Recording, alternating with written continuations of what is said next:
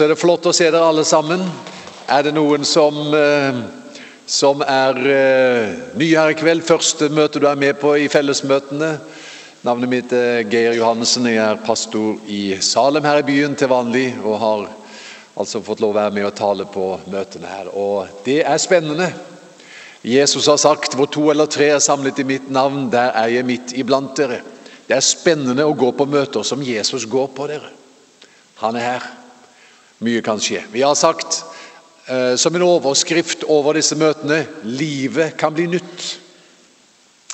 Og I kveld så skal vi ha fokus på dette at eh, livet kan bli nytt for deg som på et eller annet område strever med avhengighet. Jeg skal forklare mer hva som ligger i det. Men la meg begynne å fortelle. Jeg ble en kristen i 1974. Jeg fortalte det her tidligere en kveld. Jeg har det nokså nøyaktig. Det var den 28. august 1974. Det var en onsdagskveld, og jeg tror klokka var ti over halv sju. Cirka der. Så ble jeg et Guds barn. Det var på slutten av det som siden er blitt kalt, eller kanskje også den gang, Jesusvekkelsen som jo gikk over eh, store deler av den vestlige verden. Og eh, hadde jo da kraftige liksom, innslag i, i hippiekulturen, men, men, også blant andre. Og fra 70-tallet er det en plakat som disse som var liksom midt oppi Jesusvekkelsen, laget. Og den lyder som så. Belønning for den som kan gi opplysninger som bidrar til pågripelse av Jesus Kristus, også kjent som Messias, Guds sønn, kongenes konge, fredsfyrsten. Leder for en underjordisk frigjøringsbevegelse. Anklages fra å ha praktisert helbredelseskunster, har produsert vin og distribuert mat uten tillatelse. Har grepet inn mot forretningsmenn i tempelet. Har menget seg med kjente forbrytere, revolusjonære prostituerte og folk på gata har påstått å ha makt til å gjøre folk til Guds barn. Kjennetegn typisk hippie utseende. Langt hår, skjegg, kjortelsandaler. Ferdes i slummen, har få rike venner og sniker seg ofte omkring blant utstøtte. Se opp, denne mannen er svært farlig. Hans lumske og medrivende budskap er særlig farlig for ungdom som enda ikke har lært å overse ham. Han forandrer mennesker og hevder at han kan gjøre dem frie. Advarsel han er fremdeles på frifot. Ja, Den teksten går an å lese enda det er mange år siden den først ble skrevet. og Det var midt i en vekkelsestid med Jesusvekkelsen. Advarsel! Han er fremdeles på frifot, han som kan gjøre mennesker frie. Og Det er denne Jesus jeg skal forkynne her i kveld. Han som kan gjøre deg fri, som er bundet av noe du selv ikke makter å gjøre deg fri ifra. Og Vi skal lese en dramatisk tekst fra Lukas evangelium kapittel 8. Og eh, kunne Jesus hjelpe denne mannen? Han var plaget av mange onde ånder, en legion. En legion, Det var en romersk herreavdeling på 6000 mann. Og kunne Jesus sette den mannen i frihet, så sier Lukas da må du forstå. Da kan han også hjelpe deg. Nå skal du høre. Det er noen vers, men vi leser dem, så vi frisker opp bibelkunnskapen. I Jesu navn. Eh, Lukas 8, 26 følgende. Nå kom de inn til Gerasenerlandet, som ligger rett overfor Galilea. Da han steg i land, kom det imot ham en mann der fra byen. Han var besatt av onde ånder. I lengre tid hadde han ikke hatt klær på kroppen, og han bodde ikke i hus, men holdt til i gravhulene. Da han fikk se Jesus, satte han i å rope, kastet seg ned for ham og skrek høyt. 'Jesus, hva har du med meg å gjøre? Du sønn av den høyeste Gud, jeg ber deg, pin meg ikke.' For Jesus hadde befalt den urene ånd å fare ut av mannen. Den hadde lenge hatt ham i sin makt. Ofte hadde de bundet ham med lenker og fotjern og holdt vakt over ham, men han hadde sprengt lenkene og var blitt drevet ut i ødemarken av den onde ånd. Jesus spurte ham, 'Hva er ditt navn?' Legion, svarte han, for det var mange onde ånder som var fart inn i ham. Og de ba Jesus at han ikke måtte sende dem ned i avgrunnen. Nå gikk det en stor svineflokk og beitet der ved fjellet, og de onde ånder ba ham om å få fare inn i dem. Det ga han dem lov til. Da for de onde åndene ut av mannen og inn i svinene, og hele flokken satte utfor stupet og ned i sjøen og druknet. Men da gjeterne så det som hadde hendt, løp de av sted og fortalte det i byen og grendene omkring. Folk dro ut for å se hva som hadde hendt. Da de kom fram til Jesus, fant de mannen som de onde ånder var fart ut av. Han satt ved Jesu føtter, påkledd og ved sans og samling. Da ble de forferdet. Men de som hadde sett eh, på, fortalte hvordan den besatte var blitt frisk igjen. Og for vers 38.: Mannen som de onde ånder var fart ut av, ba om å få være med ham, altså Jesus videre. Men Jesus sendte ham bort og sa, Gå hjem til dine og fortell hva Gud har gjort mot deg. Og Han gikk av sted og gjorde kjent i hele byen det som Jesus hadde gjort for ham. Amen.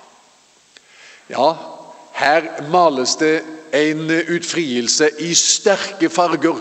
Og kunne Jesus hjelpe denne mannen, så forstår vi, da kan han hjelpe meg også, som kan streve med mitt, som ikke er så dramatisk og alvorlig som det som han sto overfor. Han kan hjelpe deg som strever med avhengighet. Hva snakker vi om da? Hva er avhengighet for noe? Vel, denne mannen var i en situasjon der han ikke lenger hadde kontrollen over eget liv. Det står i vers 29 at denne ånden hadde lenge hatt ham i sin makt. Og Det kan tjene som et eksempel, en illustrasjon på det det handler om. For avhengighet det er en vanemessig, repeterende oppførsel som det er vanskelig, om ikke umulig, for deg å kontrollere. Det er noe som har makt over deg. Det begynte som en uvane, fortsetter med et kontrollproblem, videre i misbruk og avhengighet. Hva kan vi bli avhengig av? Det kan være mye. Man snakker om rusavhengighet, alkohol, narkotika, tabletter. Kanskje er det noen som vi taler til, enten i kirka eller gjennom radioen, som vet det er meg. Det strever jeg med. Men det kan være mye annet. Det kan være spillavhengighet.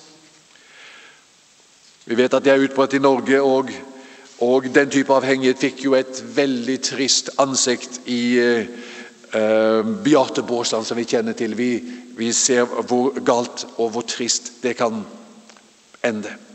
Pornografi er en annen type avhengighet.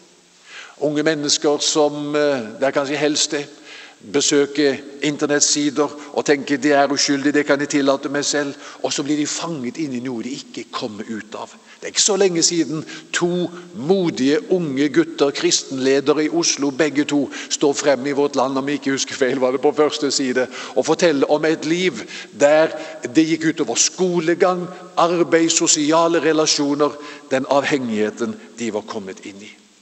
Det kan være andre typer overdreven seksuell utfoldelse eller uønsket seksuell atferd. Har man f.eks.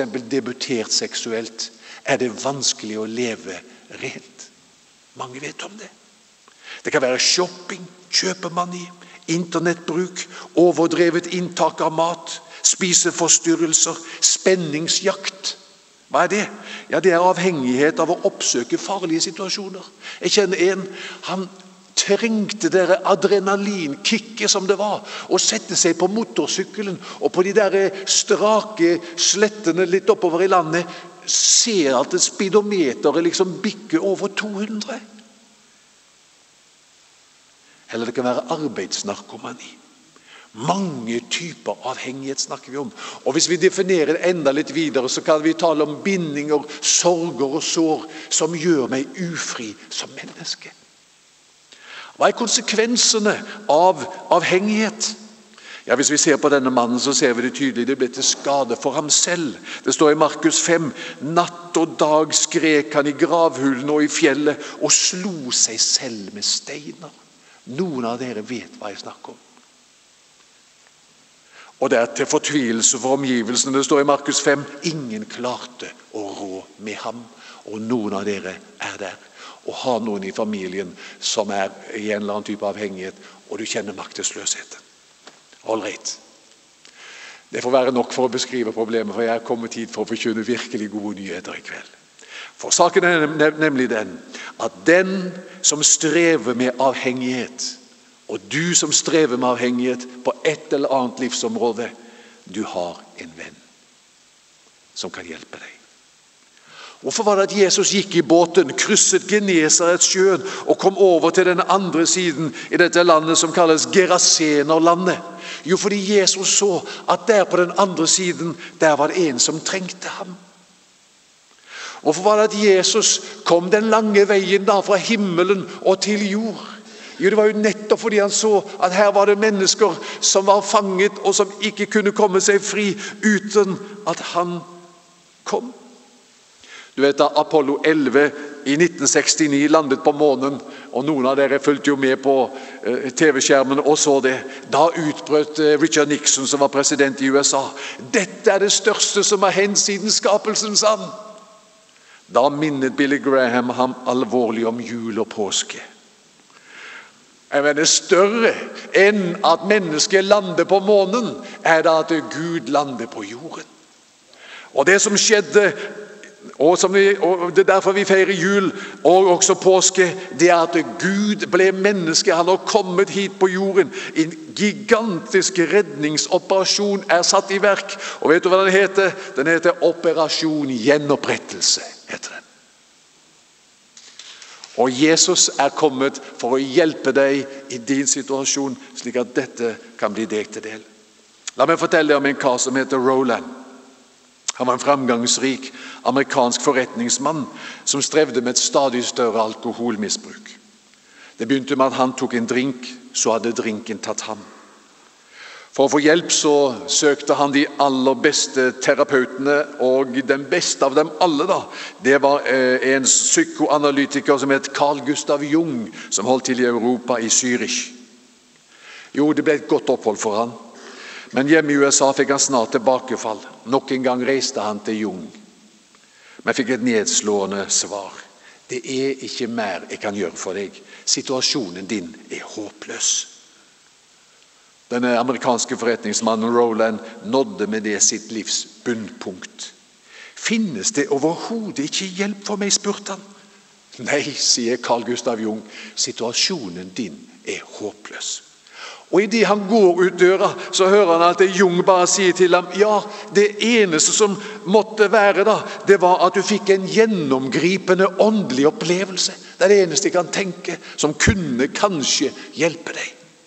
Og Det ble halmstrået som han grep tak i, forretningsmannen. Og Hjemme i USA så oppsøkte han datidens mest dynamiske åndelige bevegelse, Oxford-bevegelsen. Og I det miljøet møtte denne forretningsmannen Roland Jesus. Ble om, han ble omvendt her, og han rørte aldri mer flaska.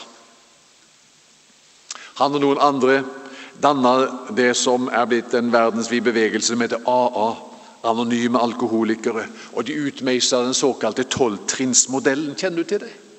Ja, Her i Kristiansand kan vi jo skryte av at eh, vi har jo flere behandlingsinstitusjoner hva jeg skal kalle det, som jobber med dette.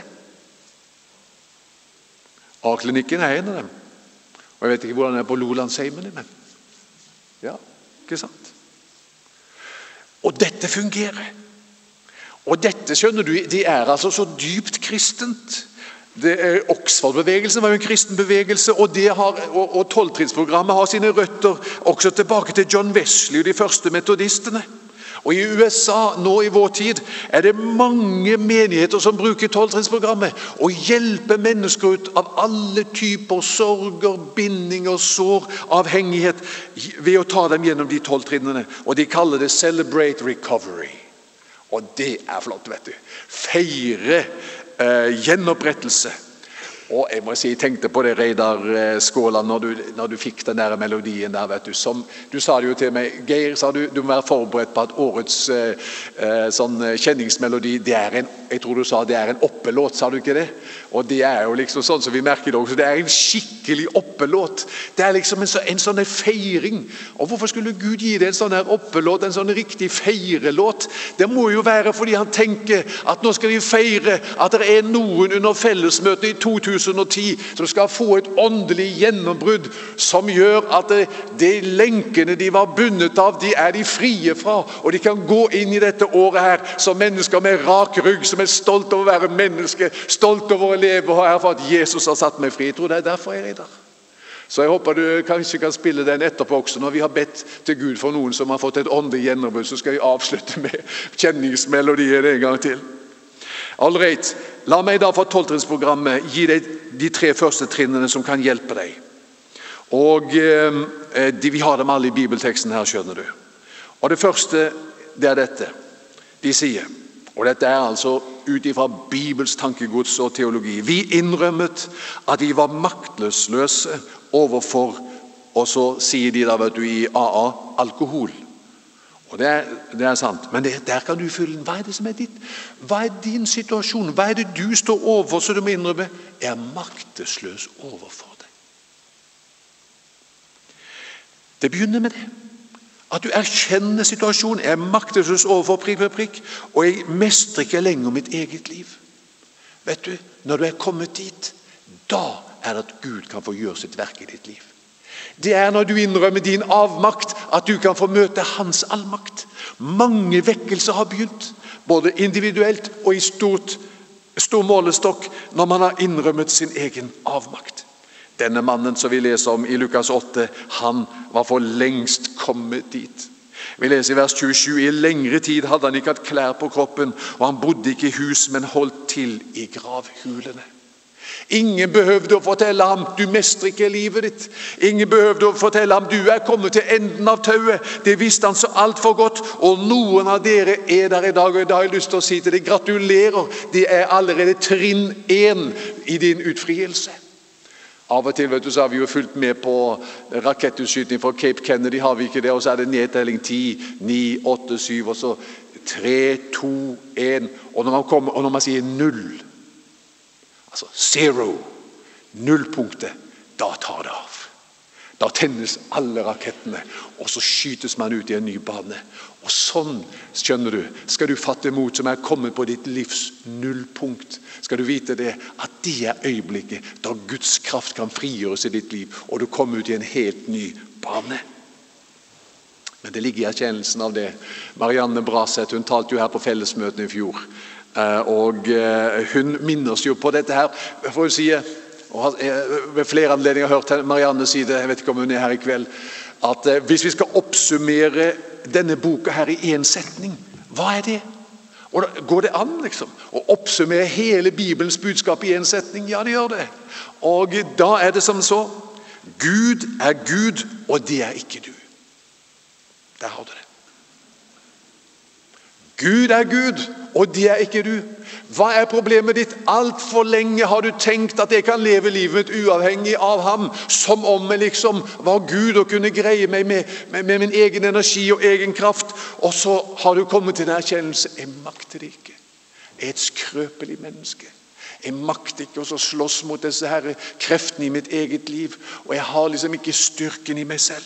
Jeg er et skrøpelig menneske. Ja, Men når du ser det, at du er et menneske. Da kan Gud få lov å komme på arenaen i ditt liv, og så kan du erfare Han kan gjøre det som du ikke evner selv. Så Det er punkt nummer én. Vi innrømmet at vi var maktesløse overfor vårt problem, og at vi ikke lenger kunne mestre vårt liv. Punkt nummer to, trinn to i tolvtrinnsprogrammet. Vi kom til å tro at en makt større enn oss selv, og da snakker vi om Jesus, kunne bringe oss tilbake til sunn fornuft. Slik lyder det. Vi kom til å tro at en makt større enn oss selv kunne bringe oss tilbake til sunn fornuft. Hvis trinn én er realitetstrinnet, der du erkjenner fakta, så er trinn to håpstrinnet. Det er hjelp å få.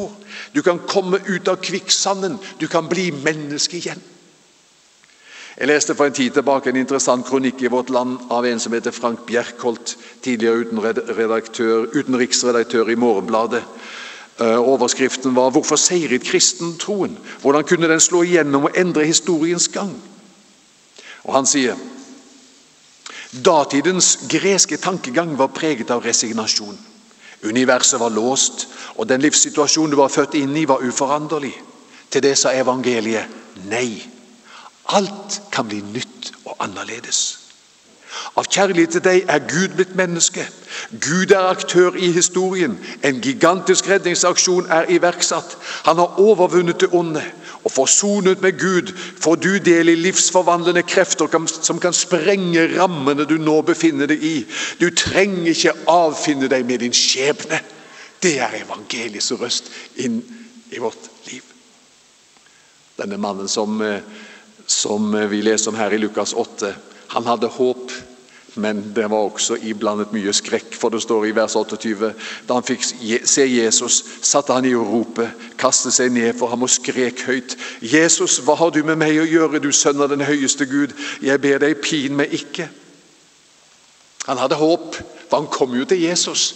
Men han var også redd, for han sa, 'Pin meg ikke'. Og der er du også. Du har håp, og du tenker ja, kanskje er det Jesus som er løsningen for meg. Og samtidig er du litt redd for å ta det steget fullt ut. Men nå skal du høre det. Det er det som er mot. vet du. Her kan vi sitere John Wayne. Han sa hva er mot for noe? Det er å være livredd og så sette seg på hesten likevel. Mot det handler om å være redd og likevel gjøre det som man skjønner er det rette. Og denne kvelden kan være din kveld, der du overvinner frykten. Og så sier du som jeg sa en gang da jeg var en ung mann, og da er vi tilbake i 74, jeg sa Gud, om du er til, så må du hjelpe meg nå. Og så tenkte jeg som så finner jeg ikke ut av det, så jeg alltid greie å finne veien tilbake til det livet jeg hadde før. Men jeg sa Gud, er du til, så hjelp meg nå. Og det gjorde han. Så kom til han. Og så er det jo interessant å se hva som skjer når Jesus taler til de onde ånder om å drive dem ut. Så ser du at de onde ånder begynner å forhandle med Jesus. Legger du merke til det? Det er ingen tvil om hvem som er Herren. De spør han, kan vi få lov å fare inn i svinene. Det er veldige forhandlinger på gang. Ingen tvil om hvem som er herre. Og eh, Vi ser at Herren lar ham få lov til det, og, eh, og de onde åndene farer ut av ham og inn i svinene. Du, Gud er sterkere i godhet enn djevelen i ondskap. Ta imot det som det beste budskap du har hørt. Omfavne det, det gjelder ditt liv. Og mannen ble satt fri. Folket kommer til, og de ser ham sitte ved Jesu føtter, påkledd og ved sans og samling. Han var blitt frisk igjen. Det kan han gjøre også for deg. Under sommer-OL i Barcelona i 1992 skal du høre, så skjedde noe. Jeg har sett dette her på internett flere ganger. Så er det en som heter Derek Redman, som eh, løper 400 meter for Storbritannia. Hvis du søker etter Derek Redman på YouTube, så vil du finne dette her mange, i mange utgaver. Du ser dette løpet. Fordi midt i dette løpet Du kan følge ham, startskuddet. Han løper. Å, han er en atlet. Og så midt uti dette her, så ser du at han tar seg til låret og faller om på banen. Han har slet hasescenen i det ene beinet og legger seg i store smerter på banen. Det man ikke ser med en gang, men som snart kameraet får inn, det er at oppe på tribunene da reiser det seg en stor og røslig kar. Det er faren hans, Jim Redman når sønnen faller om på banen, reagerer pappa umiddelbart. Løper ned fra tribunen, sliter seg forbi sikkerhetsvaktene og sperringene og ut på banen. Der, eh, der uh, han tar tak i sønnen sin og hjelper ham opp. På dette tidspunktet har han jo for så vidt, er han liksom i ferd med å reise seg igjen og hinke med, med en fot mot målet. Pappa Jim har en T-skjorte på seg med følgende tekst. Det går tydelig an å se det. Have you given your child a hug today? Har du gitt barnet ditt en skikkelig klem i dag? Aldri hadde sønnen trengt den klemmen mer. Og Det er ganske rørende når du ser hvordan pappa legger armen sin rundt ham og eh, holder ham oppe. Og Det beskrives som en av OL-historiens mest minneverdige scener. Når du ser disse to prate til hverandre, Vi oppfatter ikke hva de sier, men hva er det han sier til pappaen sin? 'Pappa', sier han, 'jeg vil i mål'. Og Så sier pappaen, 'Sønn, det trenger du da ikke'. Og Så sier sønnen igjen til pappa, 'Jo, pappa, jeg vil i mål'. Og sånn ble det. Derek Redmond fullfører 400-meteren sin under OL i Barcelona mens han støtter seg til pappa. Jeg taler til noen her i kveld som kjenner seg igjen i dette. Du var så godt i gang med livet og med løpet, men så smalt det. Og du falt om på banen. Jeg vet ikke hva det var som skjedde. Var det en type avhengighet som fikk overtaket? Var det noe annet som overmannet deg? En type sorg, en type smerte, en type livskrise. Det var en hundreårsbølge som traff deg midtskips. Men nå er du nede for telling, og du vet ikke hvordan du skal kunne reise deg igjen og fortsette med livet. La meg bare få si til deg det er håp. Det er en som har reist seg fra tribunen og her kommet her ned til deg for å hjelpe deg. Det tredje punktet da i, eh, som jeg vil ta med her nå i tolvtrinnsprogrammet, det er vi bestemte oss for å overlate vår vilje og vårt liv til Guds omsorg. Første trinnet er at du erkjenner situasjonen, hvordan du selv har det. Andre trinnet det er håpstrinnet. At du ser jo, jeg tror at det er en makt større enn meg selv som kan hjelpe meg. Og Det tredje trinnet kommer jo som en naturlig følge av det. Da overlater jeg livet mitt og viljen min til ham. Jeg er din. Det ser vi jo med denne mannen her. Hvor er det han er påkledd over sans og samling? Det er ved Jesu føtter. Det er helt tydelig. Denne mannen har forlatt gravhulen og det liv han levde. Og nå har han lagt seg ned ved Jesu føtter og sier resten av mitt liv, om jeg får lov, Herre, kan jeg få leve livet her tett sammen med deg. Det er det vi inviterer deg til også. Jeg husker For noen år siden hjemme i Haugesund så hørte jeg et vitnesbyrd av en dame som hadde vært ute i uh, reist i Amerika. og Så var hun uh, på den internasjonale flyplassen der, O'Hare. Og så hadde hun handla så mye, og så, og så, var hun sliten, og så var det ikke noe sitteplass. og så jeg tenker hun, Det er lenge til flyet mitt går. Og, og så ser hun eh, til sin overraskelse at det er en nydelig sofa borti et hjørne der, og der er fine planter, og det er aircondition, og det er forfriskninger, og ingen sitter der.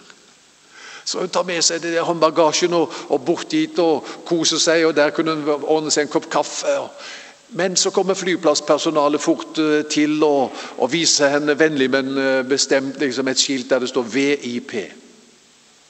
Very important people. Og Selv om hun kom fra Haugesund, så mente de at hun ikke uten videre kom i kategorien 'very important people'. Så hun måtte flytte seg derfra og så ut på flyplassgulvet igjen. Og skal du høre, Når hun står der ute på gulvet og ser på det skiltet, så taler Gud til henne. Og det var mange år siden hun hadde liksom i fall oppfattet Guds stemme. Hun hadde trodd på Jesus da hun var barn. Så hadde livet altså hadde blitt så opptatt av så mange ting, og livet liksom hadde tatt en helt annen vending. Og, og det var så mange ting, og så var det blitt slitsomt også og tungt å leve. Og så der ute på flyplassgulvet taler Gud til henne igjen. sier han, Ser du den sofaen? Ser du det skiltet? VIP. Very important persons. På samme måte som den sofaen der er reservert for very important persons. Så, at, så, var det meningen at livet ditt skulle være, være reservert for a very important person. Reservert for Jesus. Men også nå kan du komme til ham. Fortalte hun oss som var på møte i Haugesund den gangen for ganske lenge siden. Der og da, på O'Hare International Airport, overga jeg livet mitt til ham. Og så sa jeg Heretter skal du være the most important person in my life. Jeg overgir livet mitt til deg. Kronene til deg til konge.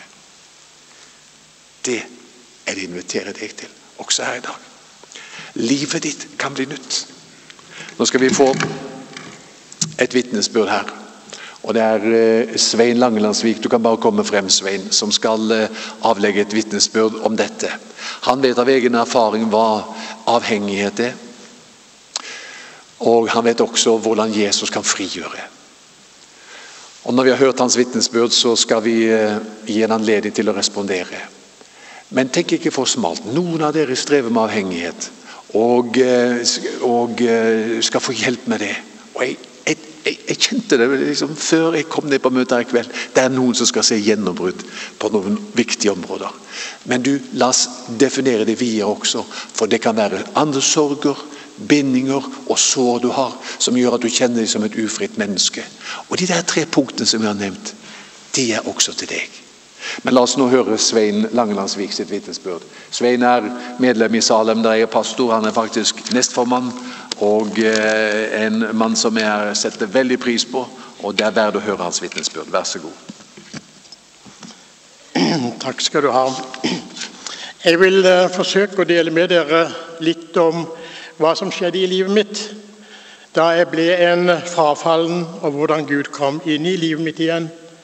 Etter selv å ha vært Gud i eget liv i mange, mange år. Jeg vokste opp i et godt trygt og kristen hjem og ble en kristen 19 år gammel. I min higen etter å lykkes i min yrkeskarriere, det å bli til noe, så ble jeg midt i 30-årsalderen en frafallen som ikke ville ha noe mer med Gud å gjøre. Jeg fiksa det meste sjøl og ble en verdensmester i egne øyne. Og jeg likte det såkalte søte livet som jeg nå som forretningsmann bl.a. fikk kontakt med ute i forskjellige sammenhenger. Og jeg lyktes. Jeg ble sjef med fin tittel, god lønn, firmabil, sosial status, stor representasjonskonto for bl.a. drikkevarer og alt som ellers fulgte med. Og jeg var engasjert i frivillighetsarbeid ganske sterkt. Og jeg ble fylkesleder i Agderfylkene for landets største musikkorganisasjon for barn og voksne. Alt lå til rette for en langvarig suksess, og utad så jo alt veldig flott ut.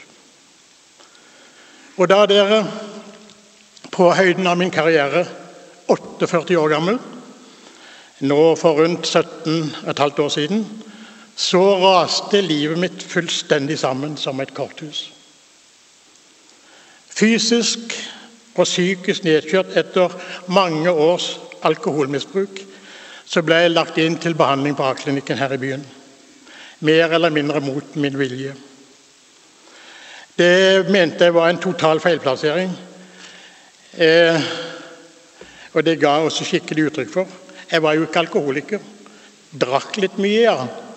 Men eh, det var jo blitt min medisin som fiksa det meste. Og hvor feil går det ikke an å ta? For her i behandlingen på Aksklinikken så møtte jeg Anonyme alkoholikers tolvtrinnsprogram. Og via dette tilfriskningsprogrammet, som vi kaller det, og spesielt av de første tre trinnene i dette programmet, så møtte etter hvert Gud igjen i mitt liv på en spesiell måte. Og det skjedde sånn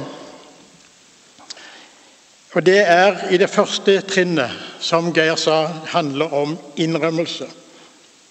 Jeg måtte innrømme at jeg var maktesløs overfor alkohol, og at jeg ikke lenger kunne mestre mitt liv, står det i dette trinnet. Jeg måtte kapitulere, jeg måtte gi opp kampen og innrømme hva jeg var, og hvem jeg var. Selv om jeg ennå ikke hadde mista hus og hjem og familie og jobb, så handla det faktisk ikke om det. Det handler ikke om hvor mye jeg drakk, eller hva jeg drakk. Jeg måtte innrømme og godta at jeg var alkoholiker. Det handla om meg som menneske, og ikke hvordan jeg takla livet, eller om hvordan jeg ikke takla livet. Og Den innrømmelsen den må jeg innrømme, den var vanskelig. Men til slutt så måtte jeg ærlig og oppriktig gå til dette skrittet og innrømme at jeg var maktesløs. I det andre trinnet så kom så troa på Gud inn. Jeg kom til å tro at en høyere makt kunne hjelpe meg til å få min sunne fornuft tilbake, står det. I dette trinnet. Og Da tenkte jeg kanskje er det håp for meg likevel. Til å få bukt med trangen til rus og bli løs fra denne besettelsen som flaska etter hvert hadde blitt for meg. Og kanskje også få gjort noe med det som alt det andre som nå preger livet mitt.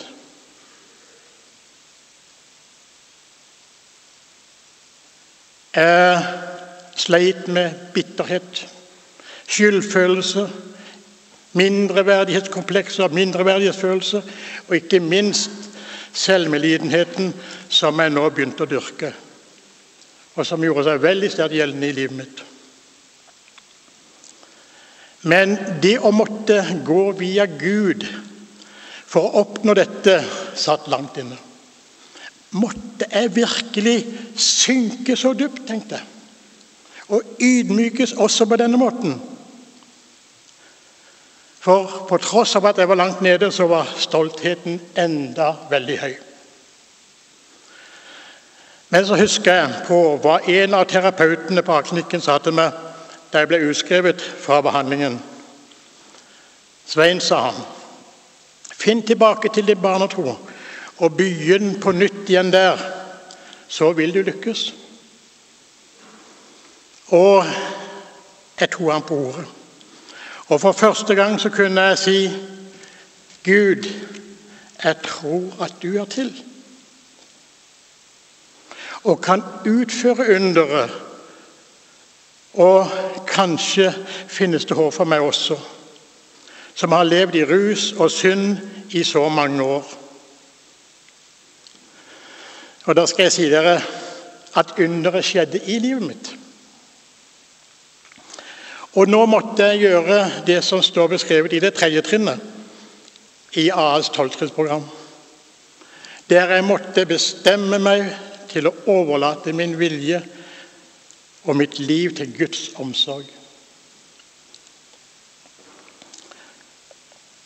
Mitt alkoholproblem følte meg altså via behandling til AA-programmet, som igjen førte meg til Bibelen, til kontakt med min himmelske Gud, til Jesus. Og er den stolte, selvgode mannen som var på god vei til å bli et alkoholisert vrak, måtte bli som et lite barn igjen i troen og måtte ned på kne der hjemme i stua, der hvor gardinene alltid var trukket for. Og der overlot jeg hele min vilje og hele mitt liv til Guds omsorg. Jeg ba til Jesus om at han måtte ta meg som jeg var. Nå får du overta styringen og lede meg videre, for jeg makter faktisk ikke dette lenger alene. Og så enkelt var det faktisk. Og Det viser at Gud aldri hadde forlatt meg. Det var jeg som hadde forlatt han. Og Det synliggjorde han for meg i legenden om mannen og fotsporene i sanden. Der det står at det var to spor som gikk over i ett. Og mannen sa til Gud, 'Jeg ser at du og jeg har gått ved siden av hverandre her i sanden i lang tid i mitt liv.' 'Men jeg forstår ikke hvorfor du forlot meg da jeg hadde det vanskeligst og trengte deg mest.' Og da svarte Gud, 'Jeg forlot deg ikke.' Men der du ser bare ett spor i sanden, det er der jeg bærer deg i mine armer, mitt barn. Og det var det som hadde skjedd for meg. Jeg takker i dag Gud og min frelser for at han førte meg til dette programmet. Det redda livet mitt. Jeg møtte Jesus og ble frelst av bare nåde. Og løst fra denne mentale besettelsen og den galskapen som rusen hadde ført meg ut i.